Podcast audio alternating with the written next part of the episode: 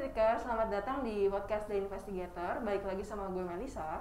Uh, sebelum kita mulai diskusi hari ini, gue pengen nanya nih sama Detikers, uh, kalian pernah nggak sih melakukan pinjaman di perusahaan vintage peer-to-peer lending atau yang biasanya kita kenal dengan istilah uh, pinjol atau pinjaman online? Sekarang tuh gampang banget buat ngedapetin uh, duit pinjaman gitu dari perusahaan-perusahaan semacam itu. Biasanya syarat yang ditawarkan yang uh, diberikan kepada kita sebagai debitur itu sangat mudah dan biasanya dalam hitungan menit kita udah bisa dapetin uang uh, pinjaman dari mereka.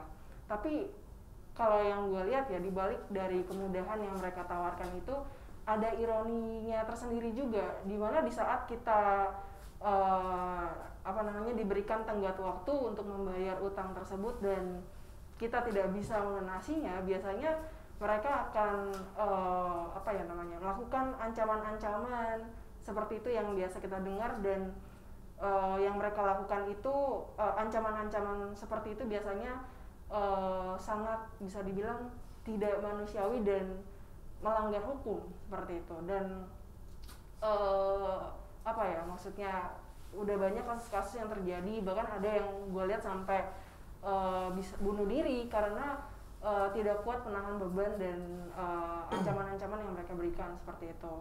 Nah, sebelum kita mulai rekaman tadi nih, gue lihat Mei uh, mukanya kayaknya uh, apa namanya suram gitu, kayak dari tadi ngeliatin handphone terus, terus nge-reject telepon-telepon mungkin ada sesuatu nih Mei, mungkin tadi lo ditelepon sama ditelepon sama perusahaan pinjaman online gitu. Enggak enggak enggak. Lu nggak apa-apa kan enggak walaupun walaupun gue bisa nulis soal pinjol tapi gue bukan uh, yang pernah jadi kreditur pinjol gitu enggak. Gue pikir lu tertarik karena lu punya pengalaman gitu. Enggak tapi emang ini pinjol bahaya banget sih di Mel. Jadi uh, mungkin gue cerita dulu ya dari dari awal uh, adanya pinjol ini. Hmm. uh, mungkin bisa dibayangin gini. Ketika teknologi semakin maju uh, dan nggak bisa dikendalikan gitu bisnis terus juga berkembang kan.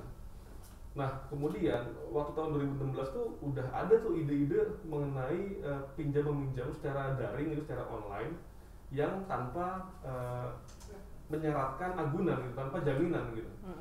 Uh, nah tetapi di Indonesia belum ada aturan itu mengenai hal itu.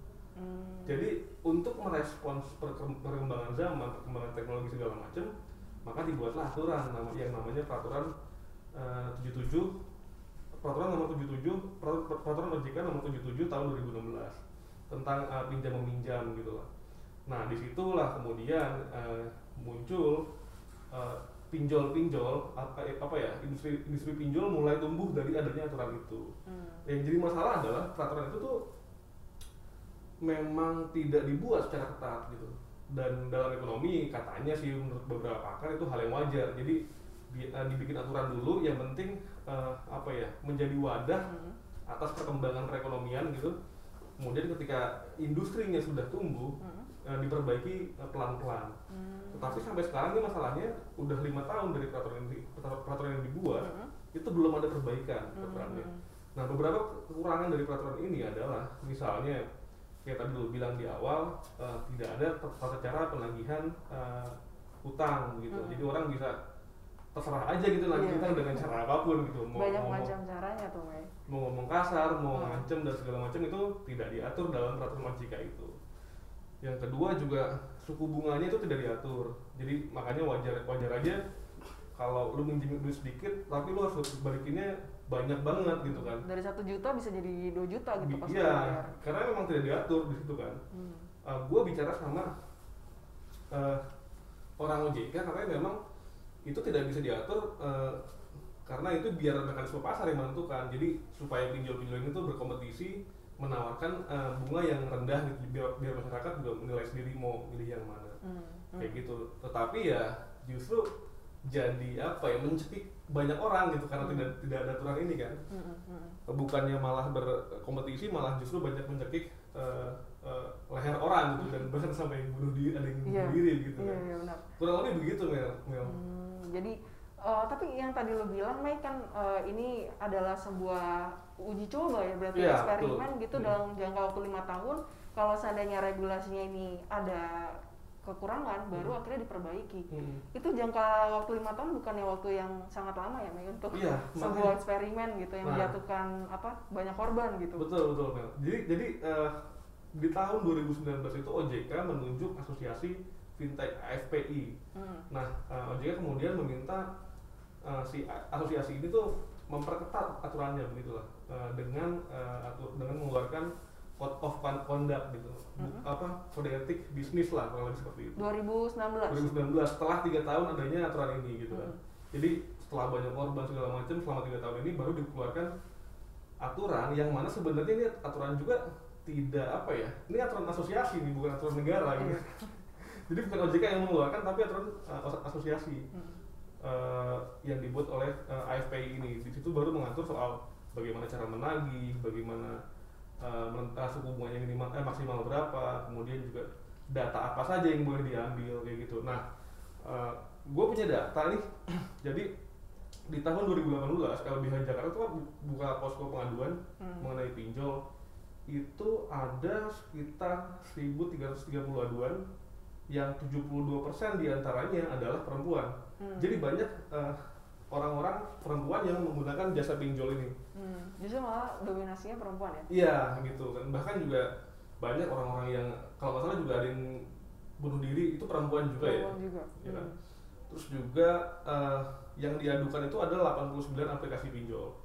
Eh, dan 25 di antaranya adalah yang legal, yang terdaftar di Oh, OJK, oke terdaftar dan berizin. Karena memang pada saat, pada saat itu, Mm-mm. kita di kan itu 2018 ya, Mm-mm. belum ada aturan mengenai tata cara penagihan, eh, su- suku bunga maksimalnya berapa dan segala macam. Mm-mm. Terus juga di ka- kalau ini data OJK eh, sampai sekarang tuh ada 110 106 eh, pinjol yang mendapat yang mendapat izin di OJK. gitu. Bayangin kalau 106 eh, udah dapat izin dan 25 di antaranya itu berarti sekitar seperempatnya ya. Hmm. itu masih aja eh, melakukan Hmm. banyak kesalahan gitu kan. Hmm. Jadi kan artinya ada yang salah nih di aturan-aturan yang ada nih. Kalau gitu kata meski korban yang lu wawancara mau legal ilegal sama aja gitu Iya, legal legal legal sama aja dan dia bahkan ada salah satu narasumber yang dia nggak mau disebutin namanya dia Hmm. bilang "Eh, ini tuh industri ini tuh ada karena eh, pemerintah eh, yang apa ya yang yang bertanggung jawab gitu kan Hmm. meskipun ada yang namanya legal ada yang namanya ilegal itu nggak bisa pemerintah semen- semena-mena bilang eh, salah sendiri minjem dia yang ilegal nggak bisa kayak gitu lepas karena kan tangan ya Iya, karena yang ilegal ini ada tuh karena ya pemerintahnya sendiri nggak ketat gitu. Hmm. Jadi mau nggak mau ini berkaitan dengan eh, kebijakan pemerintah dan Iya. nah karena itu eh, LBH Jakarta dengan eh, mendampingi belasan korban ini akan menggugat pemerintah dalam hal ini Presiden Jokowi yang bertanggung jawab yang apa ya yang mengontrol lah mengontrol kinerja kinerja bawahannya seperti Men- Menteri Kominfo dan eh, Ketua Dewan Komisioner OJK Hmm, hmm. dua dua kementerian ini du- eh, satu kementerian dan, dan satu lembaga ya ini yang dianggap bertanggung jawab dengan sengkarut pinjol yang ada Hmm, hmm. Eh, OJK dinilai tidak membuat aturan yang ketat eh, kemudian Kominfo dinilai tidak menjamin atau tidak melindungi privasi masyarakat Hmm. kurang lebih seperti itu Mm-mm. Gugatannya itu udah sejauh mana, Mei, sampai sekarang kalau dari hasil penelusuran? ya ke- informasinya sih akan diajukan ke eh, pengadilan di awal bulan November ini ya November ya? Tetapi ini kan gugatan citizen lawsuit ya, Mel. ya. Ini Mhm. beda dengan gugatan eh, perkara pidana Mhm. yang eh, a- nantinya sorry tergugat akan dimasukkan ke penjara gitu. Betul. Kalau citizen lawsuit ini adalah gugatan non ganti rugi. Jadi ada dua gugatan warga gugatan gugatan warga negara. Ada dua jenis gugatan warga negara. Pertama class, action Mhm. dan eh, kedua eh, citizen, citizen lawsuit. Hmm. Kalau class action ini biasanya itu kalau korban penggusuran ada masalah dan segala macam dia akan menggugat pemerintah dan tujuannya meminta ganti rugi Hmm. atas hak-hak yang diabaikan saat penggusuran. Hmm. Kalau yang kedua citizen lawsuit ini tujuannya bukan mengganti rugi eh, minta ganti rugi dari pemerintah Hmm. atau atau pidana gitu. Tetapi lebih ke pemerintah harus bertanggung jawab dengan eh, kelalaian yang telah dia perbuat gitu, atau pembiaran yang telah di- dia perbuat Hmm. dengan cara membuat aturan-aturan yang lebih ketat kurang Hmm. seperti itu. Mm-mm. jadi Mike kan ini di judulnya lo sebut pinjol berulah Jokowi digugat banyak uh, ada orang di komentar yang khawatir gitu dengan gugatan yang ditujukan kepada Jokowi gitu mereka takut mungkin kalau seandainya gugatan ini dimenangkan oleh LBH apa apa namanya apa hukumannya gitu untuk Jokowi Iya, jadi ya tadi yang tadi gua uh, jelaskan sebelumnya Mel, mungkin bagi beberapa orang uh, istilah digugat ini tidak terlalu apa ya uh, jelas gitu. Sebenarnya Mm-mm.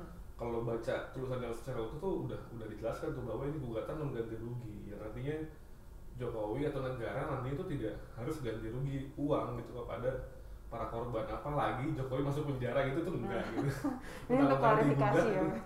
ini bukan bukan masalah pidana soalnya Hmm. gitu kan jadi eh, digugatnya itu agar Jokowi bertanggung jawab apa ya mengontrol para menterinya dan para bawahannya lah gitu ketua OJK dan eh, Menteri Kominfo untuk bertanggung jawab eh, dengan banyaknya masalah pinjol yang ada sekarang gitu Mm. yang eh, dinilai itu karena banyak eh, banyak eh, aturan yang kurang di Mm. di Indonesia mengenai pinjol gitu memang gitu. Jadi kalau untuk menjawab pertanyaan kenapa apa-apa masalah apa pun gitu yang dibawa nama Jokowi itu kenapa? termasuk termasuk untuk pinjol ini ya. Maksudnya kenapa Iya. akhirnya yang eh, digugat salah satunya itu adalah eh, Pak Jokowi Iya. gitu kan orang protes kan mengenai hal itu. Iya karena Jokowi memang dia kepala negara yang yang harusnya eh, mengontrol bawahannya eh, apalagi ini untuk industri yang baru muncul ya gitu kan sehingga eh, be- kinerja bawahan itu bisa lebih apa ya lebih baik lah gitu dengan dengan membuat aturan-aturan yang ketat dan jelas gitu sehingga tidak banyak korban yang ap- tidak, tidak banyak orang yang menjadi korban dari pinjol ini bahkan kan ada yang sampai bunuh diri ada yang sampai mencuri untuk membayar utangnya gitu kan jadi bisa dibilang pinjol ini melahirkan kriminalitas sebenarnya dengan Iya. fakta itu gali lubang tutup lubang dengan cara kriminalitas tadi lakukan Iya. per- eh, perbuatan yang melawan hukum gitu. iya Malah itu justru yang bakal menciptakan kondisi yang lebih iya eh, parah lagi gitu Betul. daripada sekedar minjam duit doang. betul Jadi- dan sebenarnya Pak Menteri eh, Menko Polhukam Mahfud MD itu sempat bicara ya dia kan profesor hukum ya Mm-mm. dan mantan hakim eh hakim eh, MK dia bilang untuk yang pinjol ilegal tidak usah dibayar nah itu sebenarnya agak aneh tuh kalau punya utang di pinjol ilegal jangan- eh, ja- pinjol ilegal jangan dibayar gitu karena gini eh, pemerintah itu nggak bisa menjamin pinjol-pinjol ilegal itu tidak lagi meneror masyarakat gitu. Sekarang oke lah, misalnya gue punya utang di pinjol ilegal, gue nggak bayar, ngikut sesuai dengan arahan Pak Menteri. gitu. Tapi kan Pak Menteri nggak bisa menjamin keamanan gue nih, yang gue diteror dan segala macam gitu. Iya. Jadi nggak bisa dengan segampang itu gitu. Itu yang pertama, yang kedua, biar bagaimanapun ini kan eh, utang ya utang gitu. Dalam Islam itu kan utang ada aturannya tuh. Kalau kalau misalnya kita disuruh nggak bayar utang, artinya kan gimana ya? Nanti kita mati dengan meninggal utang gitu. Alasannya ilegal, lu bilang iya, itu nggak- ya, ya meskipun ilegal, itu kan perjanjian antara dua belah pihak sebenarnya kan. Peer-to-peer itu kan jadi ada yang ngasih dana, ada yang eh, ngambil dana itu gitu. Hmm. Jadi misalnya lu mau naruh duit nih di penyelenggara pinjol gitu, lu taruh duit lu, ntar duit itu gue pakai gitu. Hmm. Jadi mempertemukan antara lu sama gua gitu. Tapi itu kan utang gitu. Hmm. Biar gimana mau legal apa ilegal utang ya utang gitu. Nanti statement itu bakal bisa dipakai orang untuk alasan minjem di apa namanya pinjol ilegal, ya udah nggak usah bayar gitu. iya, iya dan Enak banget gitu. makanya dan mereka nggak tahu aja konsekuensinya apa gitu kan. Hmm. Nah, datanya diambil, diteror dan segala macam. Bahkan salah satu narasumber juga ada yang sampai eh, di PHK gitu. Iya. Jadi misalnya lu punya utang ke pinjol dan Hmm. pinjolnya itu nyedot data lu, Hmm.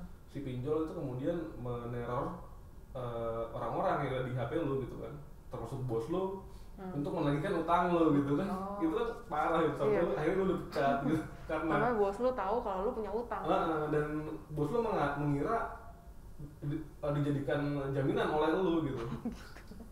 Kacau Kacau banget ya. Wah, ini gila sih ini. Udah ibaratnya ini kayak jatuh tertimpa tangga gitu, Mei. Iya. Udah ngutang kita nggak bisa bayar, terus hilang pekerjaan. Kerjaan. Gimana caranya kita bayar utangnya kalau kita nggak ada kerjaan gitu kan? Iya makanya. Jadi apa ironi juga ya. Jadi eh, eh, sebagai closing gitu, Mei. Apa yang harusnya dilakukan pemerintah supaya eh, apa namanya ya, situasi atau bisnis pinjaman online di Indonesia ini bisa menyenangkan dua belah pihak lah nggak cuma korbannya juga tapi juga sebagai perusahaan bisnis kan soalnya ini ya sebenarnya eh, bisa dibilang LBH Jakarta ini pengen membuat pemerintah tuh sebagai upaya terakhir karena sejak 2018 dia mengumpulkan data, riset, eh, mengkaji dan segala macam itu mereka juga bertemu dengan pihak-pihak pemerintah untuk menyampaikan gagasan segala macam. Mereka menilai seperti itu. Dan eh, tujuannya tentu saja untuk meminta pemerintah membuat aturan yang lebih ketat, tetapi itu dianggap buntu dan tidak menghasilkan apa-apa. Sehingga mau tidak mau dia menggugat pemerintah ke pengadilan. Ini kan sama aja sepertinya kayak eh, kasus eh, udara Jakarta yang hmm. beberapa waktu lalu itu juga ya. sempat ramai kan. betul. Itu kan sebenarnya pemerintah digugat termasuk Jokowi di dalamnya. Jokowi, Anies dan be- beberapa kepala daerah itu digugat eh, meminta atau dituntut untuk eh, membuat aturan yang bisa memperbaiki kualitas udara di Jakarta. Kurang lebih seperti itu kan. Hmm. Nah kasus ini juga eh, kurang lebih sama, tapi bedanya ini, ini konteksnya adalah pinjol gitu. Nah apa yang harus dilakukan pemerintah? ya kalau misalnya nanti lebih menang di pengadilan gitu, tentu saja pemerintah akan diminta untuk bikin se- sejumlah aturan termasuk misalnya eh, bagaimana da- data pribadi orang tuh bisa dijamin. Gitu. Itu kan belum ada aturan itu menurut LBH seperti itu. Eh, salah satunya itu dan aturan-aturan yang yang masih kosong di peraturan OJK sekarang tuh akan diperbarui kurang Hmm. lebih seperti itu sih. Hmm, hmm. Ya kita harapannya berarti eh, setelah mungkin terbitnya naskah lo ini ada tiga ya, Pak ya. Hmm. Eh, pemerintah bakal lebih serius lagi menanggapi eh, permasalahan pinjol Iya. ini dan salah satu yang penting juga buat detikers gitu jangan sembarangan Iya. pinjam duit ya di pinjol mungkin kita harus lihat dulu kredibilitas perusahaannya juga itu pun nggak ter- nggak selalu menjamin ya Iya. Baik, karena kan tadi lo bilang legal pun juga sama aja gitu Eh, untuk kitanya sendiri kalau memang butuh duit banget mungkin baru minjam tapi kalau cuma untuk kebutuhan lifestyle dan gaya-gayaan itu yang biasanya. Apalagi dominasinya perempuan nih. Betul. Kayaknya sih Hmm. para alasan itu. Itu paling penting Mel karena gini eh, peraturan OJK tentang pinjol ini dibuat tuh tujuannya untuk inklusi ekonomi gitu. Hmm. kalau dulu orang-orang hanya bisa mem- meminjam uang ke bank dengan jumlah yang besar dan syarat yang eh, ribet gitu kan dan itu hanya bisa dilakukan oleh orang-orang yang menengah ke atas katakanlah gitu dengan adanya pinjol ini eh, diharapkan orang-orang menengah ke bawah tuh bisa juga meminjam uang dengan cara yang lebih mudah untuk kebutuhan produksi nah itu yang Iya. perlu diingat tuh untuk kebutuhan usaha gitu kan Hmm. bukan untuk kebutuhan konsumtif gitu. Oh, Jadi sekarang kalau misalnya eh, cuman buat jalan-jalan senang segala macam ya mending nggak usah gitu Iya, kan. iya. Ngapain juga gitu. betul betul Tapi kalau misalnya memang butuh dana, butuh modal untuk eh, produksi ya mungkin pinjol ini Hmm. eh, apa namanya adalah salah satu eh, solusinya meskipun juga perlu diketahui juga perlu dipahami juga bahwa aturannya itu sampai sekarang tuh belum belum terlalu Hmm. jelas jadi akan ada konsekuensi yang mungkin akan diterima Hmm. eh, kalau kita meminjam uang ke pinjol. Hmm, hmm, hmm. untuk support modal UK, UKM lah Iya setidaknya ya. betul betul. Betul. Oke. Eh, Detikers tulisan soal pinjol yang dibuat oleh Mei dan tim Detik X sudah terbit. Eh, hari ini terakhir ya, masih ada ya Mei? Iya, tulisan ada. lagi bisa dibaca di x.detik.com, rubriknya investigasi gitu. Eh, minggu depan kita bakal bahas tema yang beda. Kita akan ketemu lagi di episode podcast minggu depan. Gue dan Mei pamit undur diri dulu. Sampai ketemu lagi di podcast selanjutnya. Terima kasih.